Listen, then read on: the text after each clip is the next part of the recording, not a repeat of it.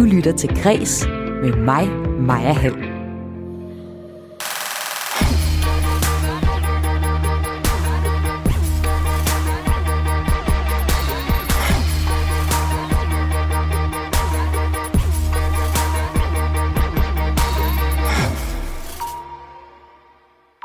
Den ligner lidt en lavkage i lyserød, orange, blå og grøn.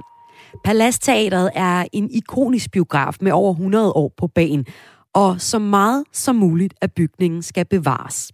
Det mener formanden for Arkitektforeningen, der ser det som en god nyhed, at de milliarddyre planer om en ombygning af biografen nu bliver droppet. Og det er første historie i dagens udgave af kulturprogrammet Kres her på Radio 4, hvor det også skal handle om superhelte. Look, in the sky. It's a bird. It's a plane! It's Superman. Yes, it's Superman. Ja, det er Superman, det er Spider-Man, og det er Batman, og det er de tegneseriefigurer, de fleste af os kender. Men de seneste år er mere ukendte superhelte fra tegneseriebladenes storhedstid i 70'erne også begyndt at få deres egne film og tv-serier. I dag får en tv-serie om helten Moon Knight premiere, og i morgen filmen om helten Morbius. Og med de her film, så vil tegneserieproducenterne forsøge at ramme et ældre publikum, fortæller en tegneseriepodcaster senere i udsendelsen. Og øh, apropos et ældre publikum, Jeg elsker sex. Sidst i udsendelsen kan du høre, at blandt modne og ældre er sexlyst blevet et varmt emne i populærkulturen. For eksempel med serien Lost, som vi lige hørte et klip fra her. Det er 68'er-generationen, der kræver at få lysten på dagsordenen. Det fortæller en ekspert senere i programmet i dag, hvor du også kan møde forfatteren bag en ny bog om lyst. Jeg hedder Maja Hall. Velkommen indenfor til Kres.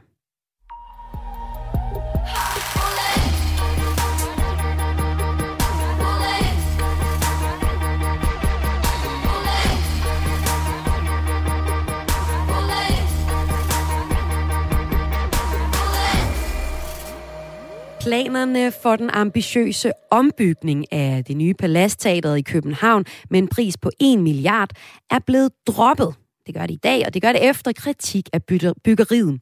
Og det er min første gæst her i Græse Glad for, for det er en historisk bygning, og vi skal som det første her i Græs dykke ned i, hvilken betydning teateret og som huser en biograf egentlig har. Formand for Arkitektforeningen og ejer af Svendborg Architects. Velkommen til, Johnny Svendborg. Tak skal du have. Prøv lige at starte med at beskrive øh, den her biografbygning. Hvordan ser den ud? Ja, det er jo et ret fantastisk øh, bygningsværk, og det som også øh, er markant ved den her, det er i virkeligheden den måde, den er udsmykket på. Fordi man kan sige, at det som folk øh, lægger mærke til, og det som er helt særligt ved den, det er måske i høj grad den måde, at billedkunsten er integreret, og integreret så markant og så visuelt og også udadtil. Så jeg vil næsten sige, at det vigtigste i forhold til byen og i forhold til den genkendelighed og det, at man holder sig meget af den, det er faktisk den øh, billedkunst, som findes på ydersiden af, af bygningen. Hvad er det for noget billedkunst? For når jeg tænker på øh, Palastteateret, så tænker jeg på en stor lyserød lavkage. Ja, men det, det er også meget godt set på en måde. Og jeg synes, nu lagde du op til, at I også skal tale om superhelte og, og så videre. Jeg, jeg tror altså, der er nogen, der har været rigtig modige dengang i, i 80'erne der, hvor de tillod øh, Paul Gernes, billedkunstneren Paul Gernes, at udsmykke bygningen som, som den her, som du kalder for en lavkage. Og det, og det er det, der gør, at den markerer sig helt anderledes i bybilledet. Det er derfor, folk genkender stedet og siger, nu er vi lad os mødes her, eller nu er vi ikke ligesom hvor som helst. Det er et særligt sted i, i København. Ja, og udover fuld af farver, så har den også øh, store søjler, som jeg har set Instagrammer lade sig blive øh, fotograferet foran. Fordi, som du også siger, det er et, et ret specielt øh, teater, som jo huser en biograf. Altså, det ser helt anderledes ud end øh, glas- og stål- og betonbygninger, der ellers er at finde i, i København. Øh, Det er egentlig Bjarke Engels Groups tegninger af byggeriet, som er blevet afvist i i dag, eller hvad så ikke bliver til noget. Og hvis man kigger på de tegninger, så viser de sådan en, en meget moderne biograf, som på den ene side også øh, både opfylder tidens krav til en biograf, men også hvor biografen skulle placeres under jorden, og så resten af bygningen skulle egentlig bestå af kontorbygninger. Mm. Men øh, det var ikke det, københavnerne vil have. De vil beholde Paladsbiografen, både i ikoniske farver og også øh, arkitektoniske udstråling. For eksempel så skrev øh, den statslige rådgiver i kunstriske spørgsmål, de hedder Akademirådet, i øh, 2020 et åbent brev til Københavns Kommune, hvor de bad om at få stoppet planerne af det her nye byggeri, eller ombygningen af biografen. Mm. Og blandt andet derfor så har ejeren af bygningen, og det er Nordisk Film Biografer, nu i dag valgt at droppe planerne, og i stedet starte helt forfra. Jeg kunne godt tænke mig at høre dig. Øh, hvad er det ved lige præcis den her bygning, der gør, at folk har en holdning til den, som er så markant, Johnny Svendborg? Jamen, jeg, jeg tror, det er lidt det, vi er inde på før, at den er ligesom et, øh, et våget stykke bygningskunst. Det, den er ligesom det skøre sted i byen. Øh, vi kender det fra øh, Pompidou-centret i Paris, som minder en lille smule om den måde at være ekspressiv og, og tåre noget. Øh, vi kender det også helt historisk fra, fra Rundetårn eller Frelser Kirke Snodetårn her i København. Altså de her ting, altså også Arne Jacobsens øh, SAS Hotel sådan set, der er, der, er, der, har, der er et vist mod i at gøre det her, og det vækker genklang og minder hos mange, at, at man kan simpelthen, øh, han har et forhold til det her farverige øh, flødeskumspalads, som du kalder det for. Ja, og man øh, har et forhold til det, og måske har man også vendet sig til det og accepteret det hen over årene, fordi det var meget, meget våget, da det kom frem i første Netop. omgang. Paladsteateret, det øh, slog dørene op for gæster for første gang i 1912. Der så det ikke ud, som det gør nu. Bygningen, det levede et, øh, en stille tilværelse frem til 1989, øh, hvor bygningens udseende så begyndte at vække stor debat, og det gjorde den efter, at øh, den danske kunstner Paul Gernes, som du også lige fortalte om før, blev sat til at udsmykke bygningen, og resultatet er altså de her, en bygning med lyse pastelfarver, og det delte vandene på det tidspunkt. Som arkitekt og formand for Arkitektforeningen, hvorfor deler farver og den her meget vulmiøse bygning vandene så meget, Johnny Svendborg? Jeg, tæ- jeg tænker, at, at, at vågemodet, ikke? at det, at man tør øh, lave markant og, og særlig arkitektur, og også øh, bruge billedkunsten til det, det er, det er ret specielt. Og det er specielt at gøre det så ekspressivt i en by. Men det er også det, som gør, at det øh, markeres som noget andet. Og det, som vi ser en tendens til, det er, at man i højere grad øh, videre bearbejder og bygger videre på kulturarven, at man forstår øh, Øh, det særlige og udvikler mere af det, som har identitet, og mindre af det, som er ligegyldigt.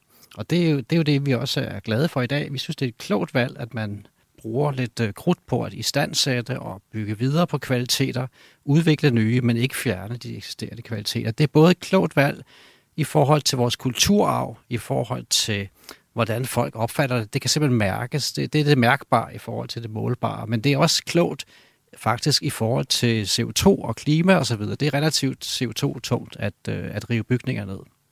Og det var jo altså også det, Akademirådet råbte højt om i, i sommeren 2020, at man så ikke skulle rive øh, Paladsbiografen, eller Paladsteatret, som det hedder, som huser en biograf i øh, Indre København, ned. Og det har man altså også besluttet sig for ikke at gøre nu. Men indtil i dag, der overvejede man at rive bygningen ned, for så lagde Bjarke Engels Group bygge en helt ny biograf under jorden med kontorbygninger på toppen. Og i 2020, der øh, sagde Akademirådet, øh, helt, øh, de skrev i et brev til Københavns Kommune, hverken bygningens betragtelige højde og dybde eller inddragelse af gade og plads kan påvises at ville bidrage positivt til byens liv, og Akademirådet anbefaler altså Københavns Kommune øh, at afvise det her forslag. Og i en kommentar til Politikken Byrum, der rettede øh, Akademirådets næstformand også kritikken mod Bjarke Engels Group øh, Big, der har tegnet forslaget. De, øh, de skrev, meget af det, som Big har lavet, er nytænkende og bryder grænser. Men øh, det her forslag med det nye palads, det gør det ikke. Tværtimod nærmest, skriver hun til mediet. Er du enig i den her kritik, øh, som der kommer af, af, af Bigs forslag? Ja, jeg synes, jeg synes det, det, der er det kloge og det gode i dag, det er, at man starter forfra, og man bevarer palads, og man bevarer den bygningsintegrerede kunst. Og så vil jeg rigtig gerne se, altså vi har faktisk allerede øh, for ikke så længe siden i Arkitektforeningen, sammen med Copenhagen Contemporary øh, Galleriet på Holmen og Paul Gernes Fonden mm. lavet en lille idékonkurrence, hvor vi fik flere idéer ind. Og det synes jeg måske vil være klogt, på superhelte. Nu har de truffet det rigtige valg ved at sige, at vi bevarer så kunne de også træffe det valg og sige, nu skal vi se flere idéer, sådan så vi får nogle, nogle, en bredere diskussion af, hvad skal der ske med det her fantastisk. Det er jo også et vigtigt sted i København. Det er ikke kun bygningen, men, men området som sådan har nogle potentialer og, øh, og et betydningsfuldt sted. Der vil vi rigtig gerne i Arkitektforeningen se en eller anden form for konkurrence, måske en åben idékonkurrence, måske en projektkonkurrence. I hvert fald er det vigtigt at få flere tanker på bordet og få en, en, en, et mere kvalificeret, bredere udvalg af idéer, inden, øh, inden man bygger. Jeg prøver lige at beskrive øh, kunsthallen Copenhagen Contemporary, som du også nævner her. Jeg sammen med Gernesfonden har jo egentlig allerede lavet en Præcis. åben konkurrence med en nytænkning af biografbygningen. Det er også en lyserød størrelse, øh, som øh, man, man ja, minder lidt, eller puderfarvet vil nogen kalde den, som er sådan lidt en, øh, en reference til Forum øh, Romanum med, med biografer og nattog under jorden. Men det, sådan her kommer det jo heller ikke til at se ud.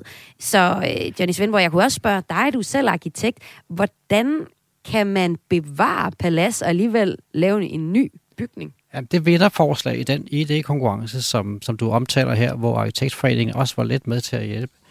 Øh, det, det gik jo faktisk på at bevare det vigtige, altså, altså øh, bygge øh, den integrerede kunst og, og, og de rum, men så lægge øh, nogle rum måske under jorden. Altså personligt, hvis du spørger mig personligt, så tror jeg også området, hvis det er muligt, kunne have brug for at få lukket det her åbne sår, som banegraven er lige ved siden af. Altså det, at man øh, står og kigger ned på nogle togskinner, i stedet for at have måske en pladsdannelse, eller måske endda en park, eller, eller noget. Så jeg tror, der er nogle potentialer, ikke bare i at bevare huset, men også at øh, tænke hele området igen. Og sådan lød det altså her fra Johnny Svendborg, der er formand for Arkitektforeningen og ejer af Svendborg Architects. Tak fordi du var med i Kreds i dag. Selv tak. Og det havde jeg altså Johnny med, fordi at øh, planerne for det ellers ret ambitiøse ombygning, eller den ambitiøse ombygning af det nye Palastteater i København med en pris på 1 milliard kroner, i dag er blevet droppet, og det er det efter kritik af øh, byggeriet. Og øh, det er øh, nordisk filmbiografer, der arbejder, ejer Palas, og de skriver i dag i en pressemeddelelse, Palas er en historisk biograf. Det er en af Danmarks største og ældste biografer, og har gennem mere end 100 år dannet rammen om store filmoplevelser. Det var her, københavnerne så nogle af historiens første biograffilm, og det er her, vi også i fremtiden ønsker at give vores gæster storslåede filmoplevelser i verdensklasse. Men for at kunne det, så skal Palas moderniseres, så vi kan skabe en helhedsoplevelse. Vores gæster forventer af en moderne biograf. Så lyder det altså i dag fra administrerende direktør i Nordisk Films biografer, Asger Flygaard Bæk Thomsen. Og det var første historie her i dit daglige kulturprogram Kreds her på Radio 4. Om lidt så skal det her i Kreds handle om, at der er kommet et øget fokus på sexløs blandt modne og ældre, både i populærkulturen og også i samfundet generelt.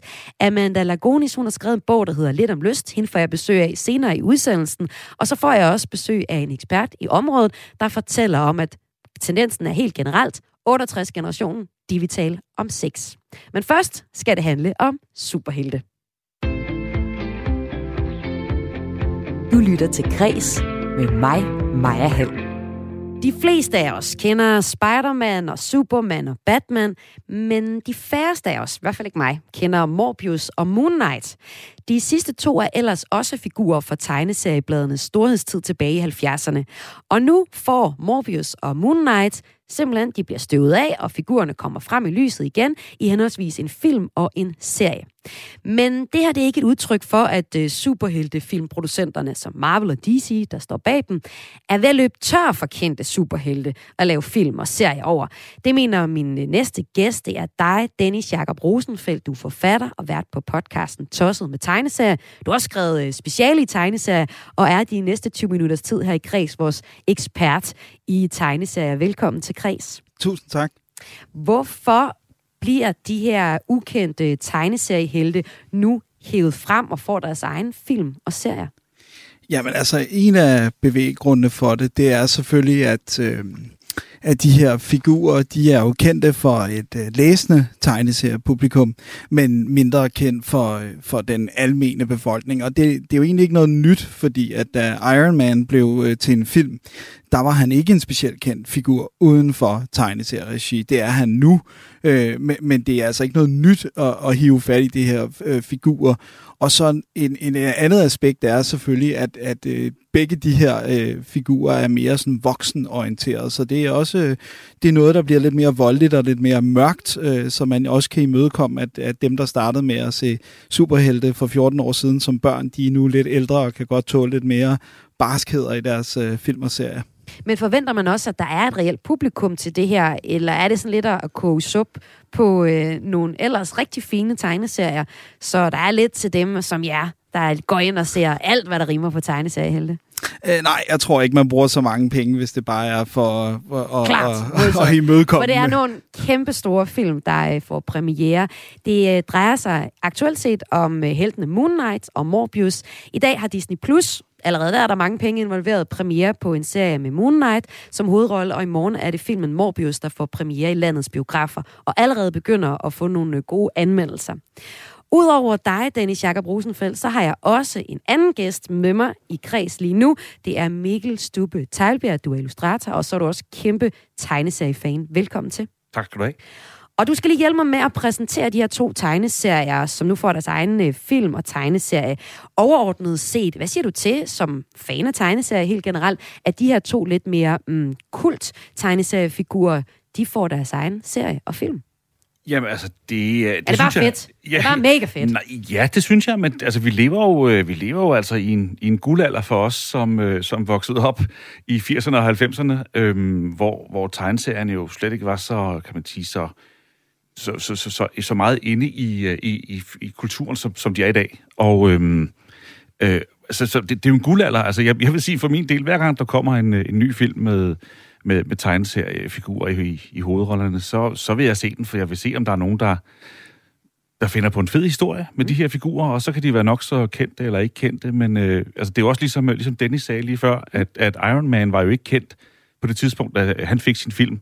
Og det har jo, for at gøre en lang historie kort, så var Marvel i store økonomiske problemer i 90'erne. Så derfor solgte de en masse af de store figurer ud for simpelthen at overleve. Så dem, dem de havde at lave film af, var ikke var ikke sådan nogle store figurer, så det var et sats, og det var så et sats, der lykkedes for dem, og nu kører de jo så øh, virkelig på de høje navler, og er også blevet købt af Disney ovenikøbet, så der er jo millioner, og er der millioner af dollars bag. Øh, men jeg synes jo, det er spændende at se de her øh, mindre kendte øh, figurer blive udfoldet af forskellige, øh, forskellige øh, instruktører og manuskriptforfattere. Jeg synes, det ja, ja, jeg, jeg, øh, jeg glæder mig. Det er skønt. Jeg glæder dig til det. Og nu er du lidt inde på øh, kampen mellem Marvel og DC, og den vender vi også tilbage til senere i snakken. Men lad os først lige få præsenteret de her to relativt ukendte figurer.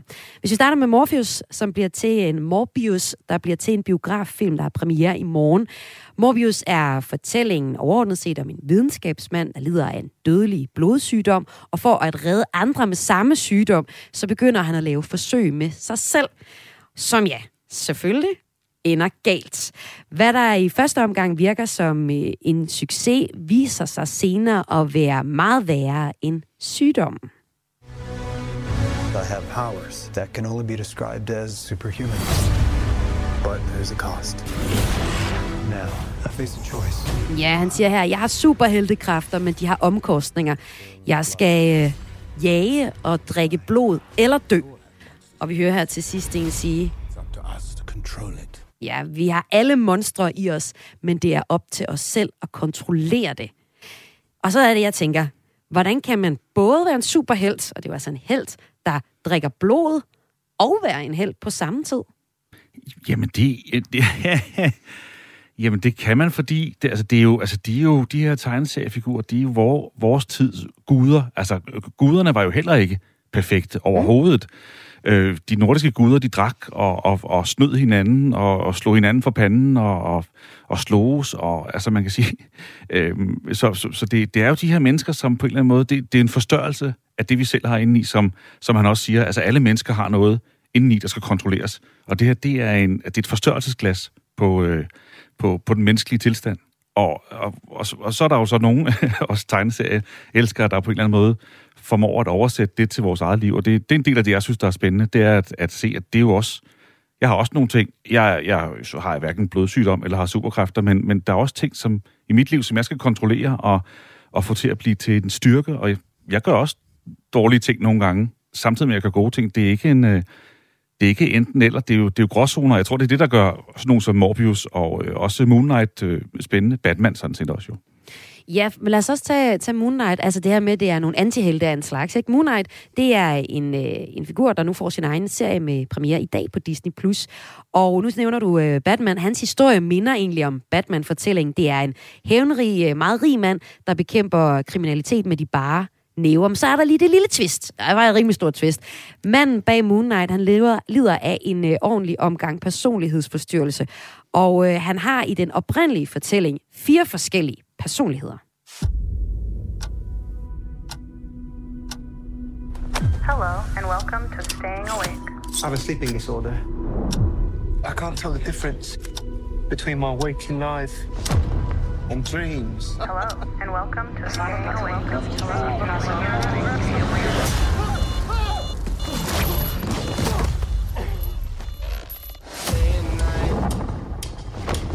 Ja, det vi hører om her, det er, at han egentlig fortæller, at han har en søvnforstyrrelse, og han ikke kan vurdere forskellen på, om han er vågen eller sover. Så lad os også lige få øh, foldet den her figur en lille smule ud, Mikkel Stuhl øh, Hvordan kommer hans personlighedsforstyrrelse sådan til udtryk i figuren som superhelt? Jamen altså nu, jeg vil indrømme, jeg, jeg kender faktisk ikke så meget til Moonlight endnu, men mm. det øh, kommer jeg til. Jeg har faktisk med vilje holdt mig lidt, lidt væk fra at vide alt for meget om ham, fordi jeg gerne ville, øh, ville se den her, den her nye serie, øh, sådan rimelig frisk. Men, men altså, han har jo den her personlighedsforstyrrelse, øh, hvor, hvor, hvor han er flere mennesker i en, og de her mennesker, de, de, de hjælper sådan set hinanden. De har hver især deres, øh, deres styrker og svagheder, som de kan bruge af. Øhm, øh, og så, så er han jo, øh, Moon Knight er jo, kan man sige, en, en hævnens engel. Han er, han er det, der hedder The Fist of Khonshu, som er en, en egyptisk øh, guddom. Så han, øh, så han hævner. Øh, men, men forskellen på ham og Batman er, er jo, at Moon Knight, han hævner for at hævne. Altså han hævner sig på alle dem, som ligesom gør noget forkert, hvor Batman jo hævner sin forældres øh, mm. drab, kan man sige, grundlæggende hele tiden. Det er altid det, han, han på en eller anden måde kommer tilbage til og siger, det er det, det, der er hans grundlag. Hvor Moon Knight, han er, er hævnen så det er jo faktisk beskriver i begge de her to eksempler, det er, det er nogle rimelig mørke figurer, og øh, nogen kalder dem nogle kult tegneseriefigurer, og det er altså dem, der i dag og i morgen er hovedrollerne i henholdsvis en ny serie, der får premiere i dag, og også en ny film, der får premiere i morgen. Og det er det, vi taler om i kreds i dag. Hvordan er de her, det er ikke Superman, det er ikke Batman, der får premiere med øh, nye egentitlede serier. Det er faktisk nogle af de her bifigurer, det er det ikke, men lidt mindre figurer fra øh, tegneseriebladenes storhedstid, som var omkring 70'erne. Øhm, inden for de seneste øh, år har vi egentlig også set ret mange andre eksempler på det her, der bliver lavet serier over det her indhold. For eksempel har der været tv-serien Swamp Thing og Doom Patrol, som begge kan man begge kan finde på streamingtjenesten HBO Max. Og øh, med mig her i kreds, der har jeg også stadig vores ekspert, tegneserieekspert i dag. Det er dig, Dennis Jakob Rosenfeldt. Hvad er det for en tendens, vi ser til, du var inde på det til at starte med, vi har set det mange gange, hvor øh, at de her store tegneserieproducenter tager fat i nogle lidt mindre mindre kendte tegneseriefigurer og laver dem til store, dyre produktioner? Jamen altså, helt klart en af de øh, tydelige tendenser, vi kan se, det er jo også det her med, at der er nogen, der er begyndt at forstå den her rige historie, som selv øh, de mindre figurer har. Øh, for nu for eksempel Moon Knight starter jo ikke ud med at have hele den her øh, spaltede øh, personlighedshistorie. Det er jo noget, der ligesom langsomt bliver tilføjet. Han bliver udfoldet i takt med forskellige forfattere, ligesom takler øh, figuren, og så især øh, den fantastiske forfatter Jeff Lemire får skruet helt op for det her med, med spaltningerne. Så, så noget af det er jo, at der endelig begynder at være en forståelse for, når vi laver de her film baseret på tegneserier, så kan det måske egentlig være en meget god idé rent faktisk at filmatisere nogle af tegneserierne, i stedet for bare at tage figurerne og så plante dem i en helt ny øh, historie, som ikke har så meget med tegneserierne at gøre. Mikkel Stube Teilbjerg, du vil tilføje noget som jamen, det, jamen, jeg, jeg kommer til at tænke på de her fantastiske figurer, fordi der er jo, øh, der er jo tusindvis at tage af, både fra Marvel og DC og alle mulige andre. Jeg, jeg kommer til at tænke på, øh, på øh, den, øh, den film, der hedder The Guardians of the Galaxy. De var jo heller ikke, øh, en, de, de var jo ikke nogen, man sådan kendte på den måde. Men øh, så kom øh, instruktøren James Gunn ind og tog de her øh, mere eller mindre idiotiske øh, karakterer, øh, som opfører sig dumt, og som skændes og slås, og gjorde dem til, øh, man kan sige, hvis man kan sige det om, om, om superhelte og rumvæsener, til, til virkelige mennesker. Altså gav, gav dem nogle, nogle ægte og nogle dybe øh, grundlag for, hvorfor de gør, som de gør. Og det har han også gjort med den nye Suicide Squad-film, hvor han, hvor han formår at gå ind og tage de her gamle figurer, som ikke er så kendte, men alligevel give dem nyt liv. Og det er det, jeg synes, der, der er fantastisk i den her tid også, at der er nogle mennesker, som ser noget i de her figurer, og dem er der jo, der er jo tusindvis af dem. Og det, øh, ja. Jamen, man kunne også bare opfinde noget nyt. Jamen, det kunne man Eller også. bare, siger jeg. Ja, det er jo også svært, ikke? Men så har man, kan man ligesom vælge, hvad, hvad man vil, hvordan man vil bygge sin karakter op. Ja, lige præcis. Men, men man kunne sagtens opfinde noget nyt. Det kunne man, og det bliver der også gjort rundt omkring. Men det, øh, det er ikke det, der lige er... Det er ikke det, som publikum vil have lige nu. Er du øh, enig i det, øh, Dennis Jakob Rosenfeldt, vores ekspert i dag? Ja, altså jeg, jeg tror helt sikkert, at, at, øh, at der er også at det er blevet tydeligt, at, at der har jo været masser af forsøg på at starte øh, sådan et imperie af tegneseriefilmatiseringer op og superheltefilmatiseringer. Og det er jo ligesom om, at hvis man, hvis man går for langt væk fra kernen, så, så bliver man jo også straffet. Altså hvis folk ligesom siger, at jeg, kan ikke, jeg kan ikke genkende de her figurer overhovedet. Så, så det er sådan en blanding af, at man skal lave mm. noget, altså man skal opdatere det, og man skal tage det hen et sted, hvor folk, der ikke har læst tegneserierne, kan være med. Men man er jo også nødt til at, at få fat i alle dem, som kender figurerne, og så kan der selvfølgelig være kvævlanter iblandt, som aldrig øh, vil være tilfredse. Men i hvert fald anerkende, hvad ophavet er. Øh, og det, det jeg tror det er den der balancegang, som de begynder at, at være bedre til at, at, at, at køre. Ikke? Og så er Marvel jo endelig forstået det her, som de jo altid har gjort i tegneserierne, med at alt er bundet ind i hinanden. Øh, så vi kan ikke nøjes med at se en Marvel-film, vi er ligesom nødt til at se dem alle, fordi at historierne er flettet ind i hinanden. Ikke? Det er også igen noget med at tjene nogle penge, tænker jeg. Og vi skal nemlig lige om et øjeblik lige dykke lidt ned i, hvad det er for en fight, der er, der er mellem DC og Marvel, og også forstå, hvor mange penge, der er involveret i de her øh, filmatiseringer og serier af tegneseriebladene. Men du havde lige en kommentar, Mikkel Stubel. Ja, det var bare en, en helt kort kommentar om, om de her, som du siger, de nye superhelte. Altså, der er jo meget for, for den at vi, vi ved jo, hvad der er, som, som folk, øh, som folk ikke, ikke ser sådan til, til daglig, men der er jo mange, der også laver de her, kan man sige, lidt, lidt alternative versioner, satiriske versioner af de universer, vi kender. For eksempel den serie, der hedder The Boys, som både øh, findes som tegneserie, men også som øh, tv-serie. Hvor, hvor alle karaktererne på en eller anden måde er nogle satiriske versioner af en Superman. Der er en Superman-karakter, der er en mm. Batman-karakter, som hedder noget andet, og som opfører sig helt anderledes, men, men hvor, hvor de ligesom får dem, får dem skruet og får dem ligesom ind i et fokus, hvor man tænker, åh oh ja, tænk nu, hvis Superman var et super dumt svin, så ville han gøre sådan her. Så, så det, der, der, det ligger det der grundlag, som Dennis også snakker om, som du også snakker om, Dennis, at mm. så, så er der en genkendelighed, men samtidig så tænker man, åh, oh, for pokker det. okay, det, det er ikke sådan, Superman ville gøre, men det, så, så, det bliver lidt spændende sammen med, sammen med genkendeligheden. Det er også sjovt at se. Og det, vi taler om her i øh, Græs, dit daglige kulturprogram her på Radio 4, det er, at to øh, gamle tegneseriefigurer fra 70'ernes tegneserieblade, de nu er blevet støvet af, hævet frem og fået hovedrollerne i henholdsvis en ny serie, der får premiere i dag, og en ny film. Og det er de to mere for de fleste af os ukendte superhelte, Morbius og Moon Knight. Det her, det er øh, to øh, tegneserier, øh, tegneserier, der kommer fra Marvel. Og Marvel, det er den tegneserieproducent, der har det meste lige for tiden, og de er også ejet af Disney. Det er altså her, de fleste penge og de største produktioner kommer lige nu. Men der er også DC, som også er en kæmpe spiller på markedet. Og det er ligesom dem, der altid clasher, det er dem, vi taler om. Altså, jeg har jo faktisk sagt det nu, men øh, som vores ekspert, Dennis Jakob Rosenfeldt, kan du ikke lige prøve at forklare, hvordan er det, at Marvel fører kampen lige nu? Øh, altså, man kunne godt lidt groft sige, at de er lammetæver DC. Øhm, fordi det er jo, altså, det er jo, det de har gjort, det er jo ligesom at have en chefarkitekt på hele deres øh, filmunivers, sådan som de også øh, flere gange har haft en chefredaktør, som har holdt styr på alt i tegneserieverdenen.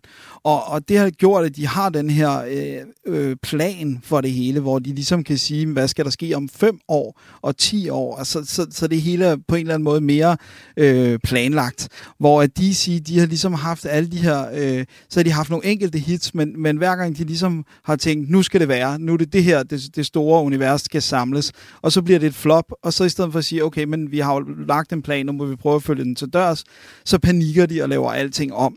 Øh, og, og, og det gør jo så ligesom, at de aldrig får den der kontinuitet i tingene, som er det, som, som holder folk øh, fanget i både tegneserier og i film. Det er jo det her med, at der, der er noget, der fortsætter. Øh, og hvis man hele tiden starter forfra, eller øh, prøver at slette, nej, det gik ikke så godt, men så ignorerer vi bare, at der kom den her film. Jamen, så, så fanger du jo ikke øh, folk på den samme måde. Så, så hvor er det, øh, hvis vi kigger lidt historisk set på det, hvornår er det, at øh, Marvel virkelig for alvor begynder at lægge afstand til DC og viser sig som den overlegne spiller? Og nu ved jeg godt, jeg er helt sikkert kommer til at støde nogle masser af tegneseriefans derude ved at, at, at sige det så firkantet, men kan du lige prøve at sætte lidt flere ord på det? Jamen, altså, der er jo flere perioder, øh, kan man sige, altså, hvor at, øh, at øh, Marvel er jo næsten øh, forsvundet fra, fra superheltemarkedet efter 2. verdenskrig, fordi at folk ikke vil have superhelte på den samme måde.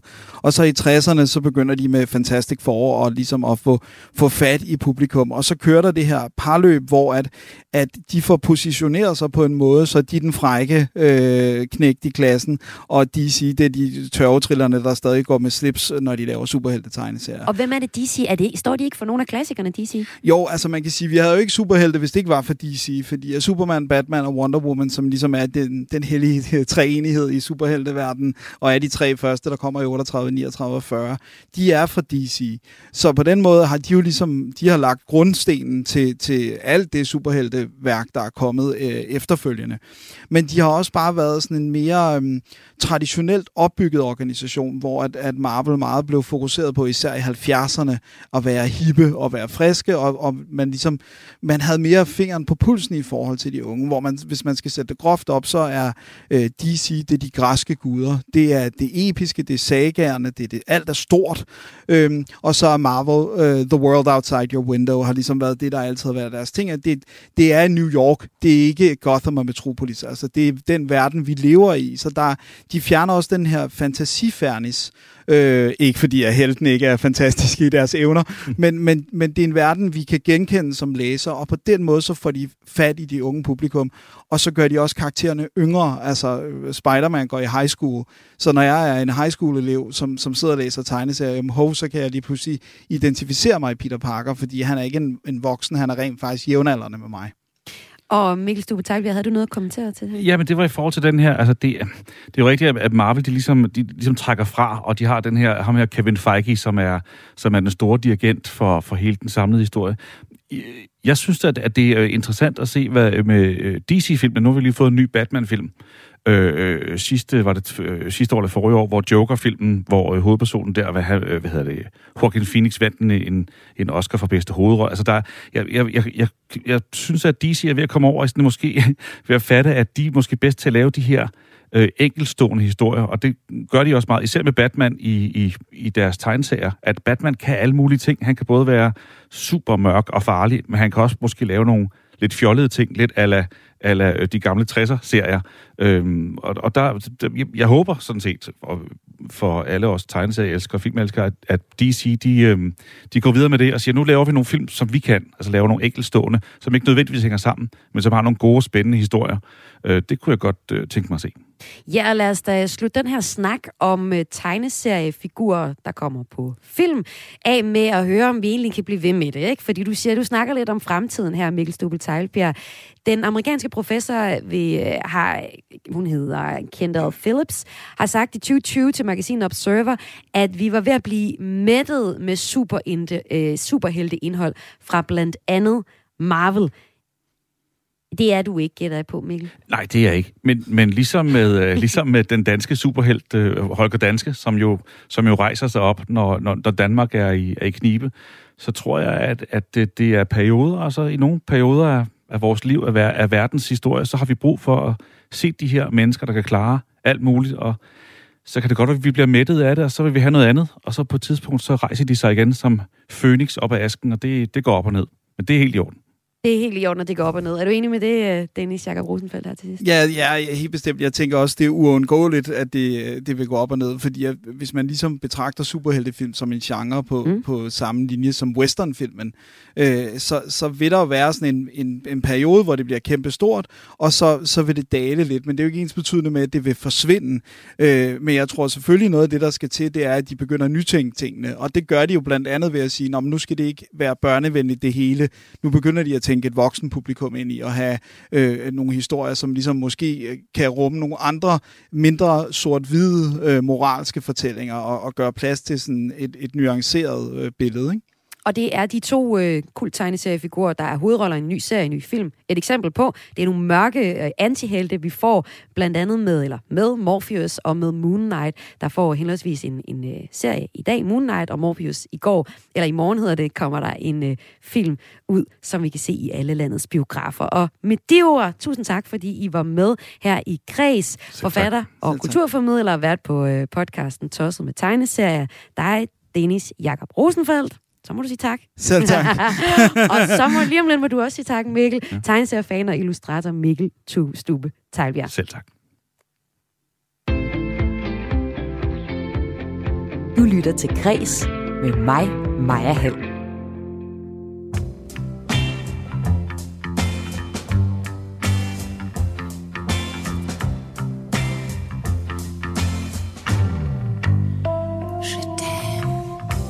Den her sang, den hører man blandt andet i den nye svenske serie Lost, altså Lyst på dansk, som du lige nu kan se på streamingtjenesten HBO Max. Det er en serie, som handler om fire midalderne kvinders sexliv og lyst til sex. Og det er en tendens i serien, at vi taler mere om, hvordan sexlivet er, eller hvordan vi gerne vil have det skal være, når man er i livets modne fase. Senere her i Græser som det sidste her i programmet, der får jeg besøg af en ekspert og forsker i netop det emne. Men først så kan jeg sige velkommen til en øh, aktuel forfatter. Det er dig, Amanda Lagoni. Du er parterapeut og seksolog, og så er du altså forfatter til bogen Lidt om lyst, der udkom i mandags. Velkommen til Græs. Tak skal du have. Der var du, der var lige lidt forsinkelse på, men det satser vi på, vi øh, indhenter nu. Lidt om lyst ja. er en bog, der bygger på dit arbejde som parterapeut og seksolog, og som blandt mm. andet ser på, hvorfor og hvordan lyst er en øh, udfordring i de fleste parforhold. Og øh, vi skal se lidt på nogle af de eksempler, hvor moden sex, om man kan kalde det sådan, bliver portrætteret i popkulturen, for det er der flere og flere eksempler på. Så lige med fokus på øh, modne mennesker, hvorfor mener du, at øh, de, vi, har brug for hjælp til sexlysten? Jamen, altså, det er jo lidt som om, at lyst er blevet sådan en, øh, eller manglende lyst er blevet sådan en folkesygdom. Øh, jeg oplever egentlig, at vi sætter meget høje krav til vores øh, lyst. Vi sætter også samtidig høje krav til vores effektivitet, til vores levestandard, til hvad vi skal kunne rumme. Og, og så har Hollywood og seksualkulturen samtidig lært os, at der er noget galt med os, hvis vi ikke mærker lyst. Vi må helst ikke mærke for lidt lyst, men vi må heller ikke mærke for meget lyst. Og midt i alt det her, så kan vi nemt glemme, hvad lyst egentlig er for en størrelse, hvad vi kan forvente af den, og ikke mindst, hvordan vi skaber kontakt til den. Til kroppen og lejen og, og sansligheden. Øh, så jeg oplever egentlig, at der er brug for sådan en konkret og lavpraktisk håndsrækning til, til lysten for tiden. Og du rammer måske også en meget god tendens, fordi popkulturen er i hvert fald øh, ved at opdage, at øh, ældre, modne mennesker også boller og også har Ja. sexlyst. Vi oplever for tiden især øh, middelalderne kvinders sexlyst blive portrætteret i øh, populærkulturen. Først var der for eksempel øh, Sex and the City rebooten at, and Just Like That. Her er der for eksempel et klip, hvor hovedpersonen Carrie i et radioprogram bliver spurgt, om hun onanerer. What about you, Carrie? Oh, me? What? What? What? Oh, what about what about me? Oh, uh, oh, oh. Are you ask? You're asking me about about masturbation? Yes, I'm. I'm asking you about masturbation, particularly you. Do you masturbate? Uh, I would like to buy a valve, please. Ja, der vil hun gerne lige øh, købe en and, en ælling, og ikke lige snakke mere om det. Det her det var en bid fra And Just Like That fra HBO Max. Og her var det hovedpersonen Carrie, som jo har lidt svært ved at forholde sig til emnet onani. Serien har heller ikke fået så mange pæne ord med på, øh, på vejen fra anmelderne, blandt andet fordi, at anmelderne kritiserer serien for, at karaktererne virker meget berøringsangste over for netop at, at tale om sex. Øh, inden vi lige dykker ned i det eksempel, så er der også en anden serie, som jeg spillede lidt af fra musikken af først. Øh, det er den, der kører på HBO Max, der havde premiere den 18. marts. Det er den svenske serie Lost. Her møder vi så en gruppe, også faktisk en gruppe af midaldrende kvinder, som øh, prøver at sparke i øh, gang i netop deres lyst og sexliv. Jag älskar sex. När ska jag ha sex? Tala om det för mig. Vad räknar du som sex då? Vi håller på nu med en undersökning om Ja, det, de siger her, det er, at vi er ved at lave en undersøgelse af kvinder i middelalderen og deres sexlyst. Og så er der en, der spørger her, hvad er middelalderen?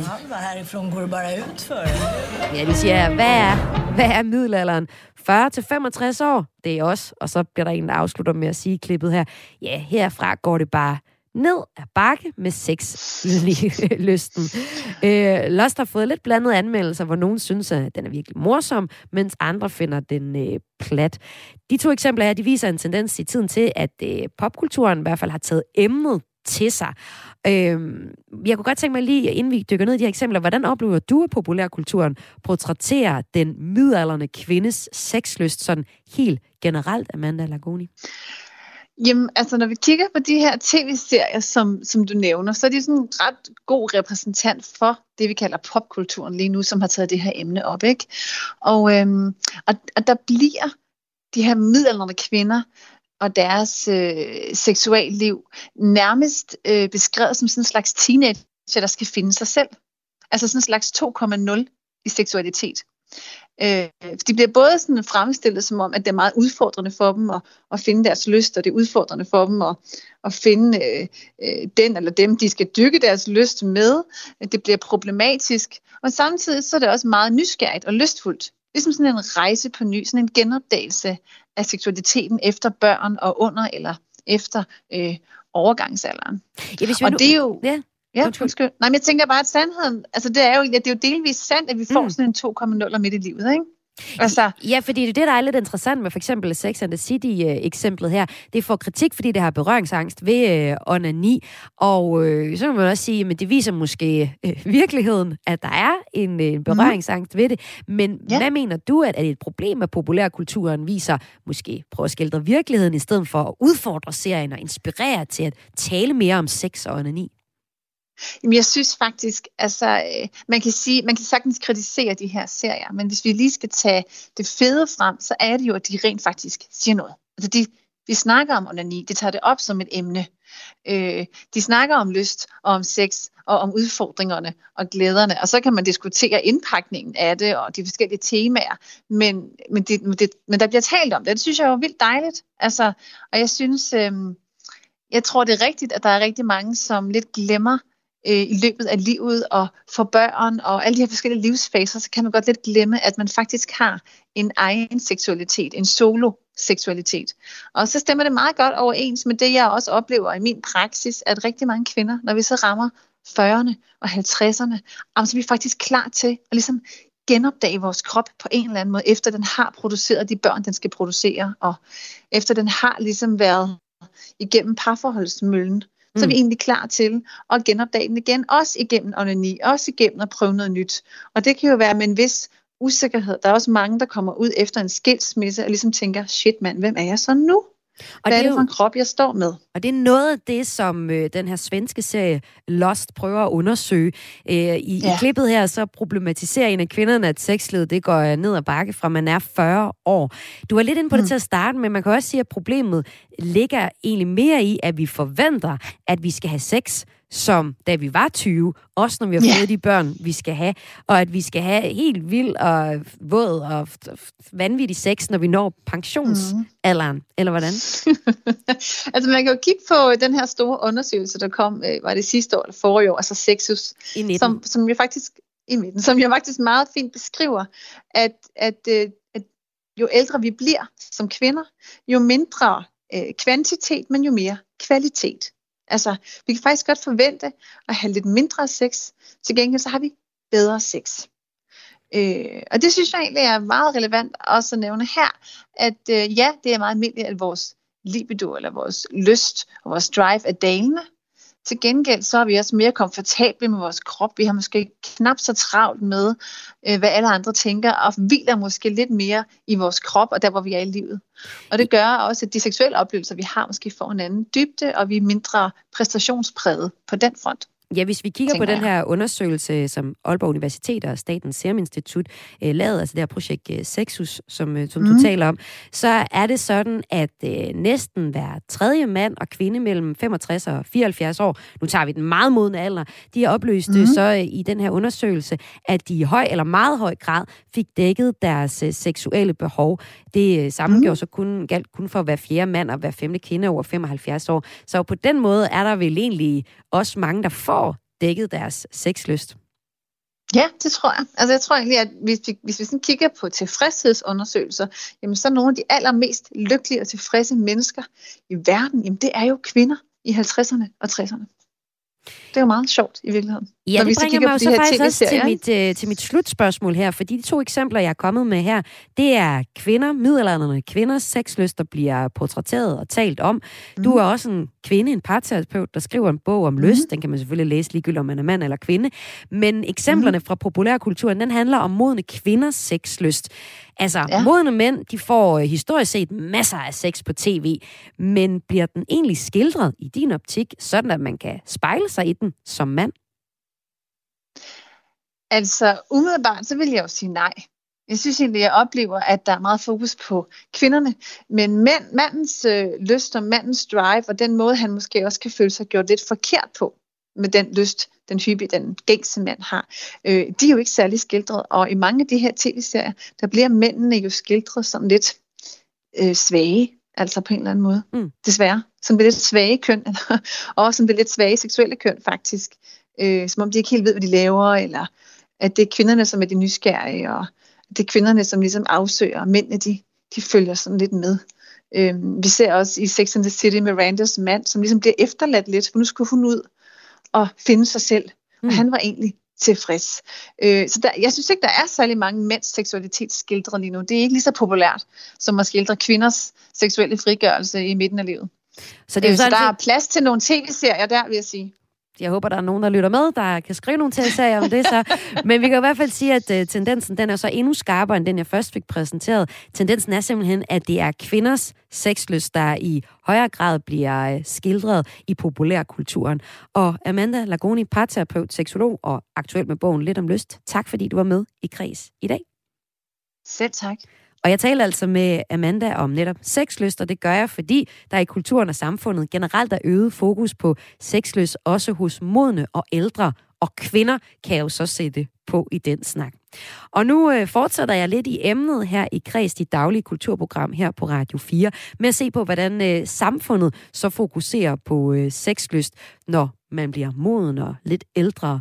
Nu kan jeg sige velkommen til Helle Nygaard Gerbil. Velkommen til Kreds. Mange tak skal du have. Du har gennem 15 år beskæftiget dig med og undervist i ældre og sex som Ph.D. i seksologi og også lektor ved UCL Erhvervsakademi og Professionshøjskolen i Odense.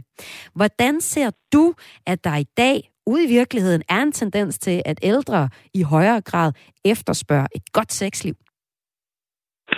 Altså, øh, videnskabelige undersøgelser, som jo også afspejler virkeligheden, øh, af ældres seksualitet viser, at der i de sidste 40-50 år er sket en udvikling i retning af, at både ældre mænd og kvinder er blevet mere seksuelt aktive, og at øh, seksualitet i alderdommen også har en større betydning øh, for ældre, og at ældre har en mere positiv holdning til at være øh, seksuelt aktive. Og det skyldes så blandt andet, øh, kan jeg forstå, den her 68'er-generation. Altså, de var med til at bryde traditionerne, som, og man har længe sagt, at øh, når 68'erne bliver 68, så vil der ske noget med seksualiteten. Er det den tendens, vi ser lige øh, nu, Helle Nygaard Gerbil? Ja, det, det tror jeg faktisk godt, man kan tale om, fordi øh, altså 68-generationen tager jo øh, ungdomsoprøret og, og kvindefrigørelsen og den seksuelle frigørelse, som de oplevede i deres ungdom, den tager de jo med sig ind i, i alderdommen. Så øh, man kan godt sige, at Altså, de vil ikke på samme måde som tidligere generationer finde sig i at øh, blive undertrykt og, og anset som, som aseksuelle, blot fordi de er, de er blevet ældre. Øh, så, så holdningen til seksualitet generelt er også blevet mere øh, åben i samfundet. Altså måske faktisk især hos de ældre, hvor de unge er mere blufærdige. Øh, og så skal man jo huske, at Altså at ældre mennesker, det er også ældre singler, som vi har været, været inde på. Mm. Det er også ældre mennesker, som er afhængige af hjælp. Det er også ældre mennesker, som, som har sygdomme. Så det er vigtigt, at vi også har den del af vores samfund med, som er, som er sundhedsvæsenet. Altså at få de sundhedsprofessionelle og sundhedspersonalet med på tendensen, så de også bliver i stand til at tale med, med de ældre om seksualitet. Og nu tænker jeg, at du er ude i nogle øh, væsentlige ældre, de ældste i samfundet, du taler om lige nu. De øh, eksempler, vi har set i, i popkulturen, jeg nævnte her Lost, den her svenske tv-serie, og øh, Sex and the City-rebooten, And Just Like That, der har vi nogle midalderne kvinder i And Just Like That, der er de vist omkring 50 kvinderne. Og begge eksempler, det er, er kvinder, og det kunne jeg også øh, forstå på Amanda Lagoni, som jeg lige har talt med, parterapeut og seksolog, altså aktuelt med bogen Lidt om lyst, øh, at det er særligt de øh, mod kvinders sexlyst, der bliver taget op i populærkulturen, og den øh, bliver ikke skildret så nuanceret mod mænds sexlyst. Er det egentlig også noget, en tendens, du har kunne se i, øh, ude i samfundet, ude i virkeligheden, at øh, kvinderne gerne vil snakke om, der er lidt mindre mændene? Ved man noget om det? Mm, det, øh, altså, øh, Ja, forskning har jo ikke alle svar. Ikke sikker på. Nej, Nej. Det, det, er faktisk ikke. Øh, det er faktisk ikke, øh, ikke sikker på, at det nødvendigvis, øh, at det nødvendigvis forholder sig sådan. Men, men man kan sige, at øh, det som kvinderne i 68 Øh, altså, de, øh, de generobrede jo deres seksualitet, eller mm. kvinderne, mm. ja, de generobrede øh, seksualiteten, som jo ellers tilbage, altså længere tilbage havde været sådan, at altså en, øh, at, at kvinder øh, blev anset som mere øh, aseksuelle. Så hvad skal man sige, tendensen til, at kvinder vil være mere ligeværdige med mænd seksuelt, den tror jeg, den tror jeg er der. Mm. Øh, så kvinder også på den måde er blevet mere, øh, mere synlige. Ja. Motoren i den her tv-serie Lost, som vi talte om øh, tidligere i, øh, i snakken her, den øh, handler om, at, at det påvirker din generelle sundhed, hvis du er seksuelt aktiv i en moden alder. Helt konkret så er det nogle kvinder i serien, der prøver at undersøge, eller de skal undersøge øh, seksualiteten i, øh, i modne kvinders øh, liv. Øh, det er en pointe, som du siger faktisk også holder i virkeligheden. Hvordan påvirker det ens sundhed positivt, hvis man er seksuelt aktiv? Altså, det er jo sådan, at øh, altså et velfungerende sexliv, det har en stor betydning for, for al menbefolkningens øh, selvrapporterede trivsel, som I lige henviste til sexusundersøgelsen, som også viser det. Så sandsynligheden for, at man øh, oplever øh, altså sit liv som sundt og godt og meningsfuldt, er større, hvis ens sexliv er velfungerende, end hvis man for eksempel har seksuel dysfunktion, eller altså, som udfordrer det seksuelle samliv. Og det er uanset alder. Så altså ved, ved øh, sygdom, ved kronisk sygdom, øh, så kan et, et øh, velfungerende sexliv faktisk være sådan en slags, man har sådan lidt en slags helle fra sygdommen, kan man sige, som, som både kan give livsmod og ressourcer til at, at mestre en vanskelig øh, situation. Og, og den her seksuelle sundhed og trivsel, den kan også påvirke ens mestringsevne og ens motivation i forhold til, at hvordan man sådan koper i forhold til sin sygdom, og på den måde kan det faktisk være en, en positiv faktor til at fremme sundhed og helbred. Og Helle Gervild, du er med her i, i Kreds i dag, fordi vi ser på, hvordan populærkulturen har taget sexlyst til sig og portrætteret det i, øh, ja, i populærkulturen, også med særligt det fokus på ældre, modne kvinder.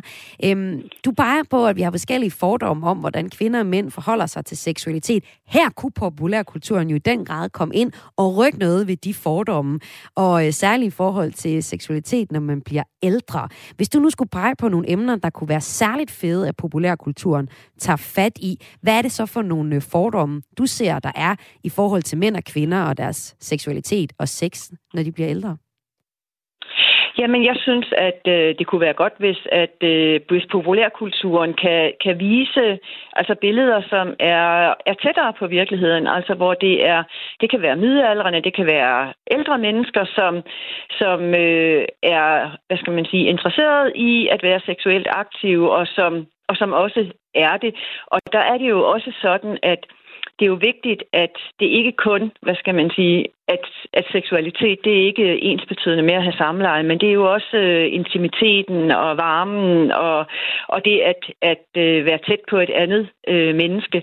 Jeg synes, det kunne være godt, at at det bliver vist på en måde, hvor at øh, det ikke bliver sådan fremstillet på den her diskriminerende eller stigmatiserende måde, som ældre ofte bliver fremstillet med, at altså at ældre kvinder ofte, ofte bliver ans, øh, fremstillet sådan aseksuelle, og ældre mænd bliver fremstillet sådan som, som en, en øh, gammel gris. Mm. Øh, men at øh, et, et mere sådan øh, tættere på virkeligheden realistisk øh, billede, sådan så at vi vi alle sammen ligesom kan få ind på netheden, at jamen, det er helt naturligt at ville fortsætte med at være seksuelt aktiv, øh, også når man bliver ældre. Øh, man kan jo bare spørge sig selv, hvornår man har tænkt sig at ville gå på pension sådan seksuelt. Det er der nok ikke rigtig nogen af os, som har, har planer om eller ønsker om. Vi vil gerne blive ved, så længe vi kan. Og så lød det her i kreds i dig i dag. Tak øh, for dig, Helle Gerbil, Ph.D. i seksologi og lektor ved UCL Erhvervsakademi og Professionshøjskole i Odense. Tak. Og Helle var altså med her i Kreds i Daglig Kulturmagasin her på Radio 4, fordi jeg i anledning af en ny bog, Lidt om lyst, i dag dykket ned i, hvordan der er kommet et øget fokus på sexløs blandt modne og ældre, både i populærkulturen og samfundet generelt.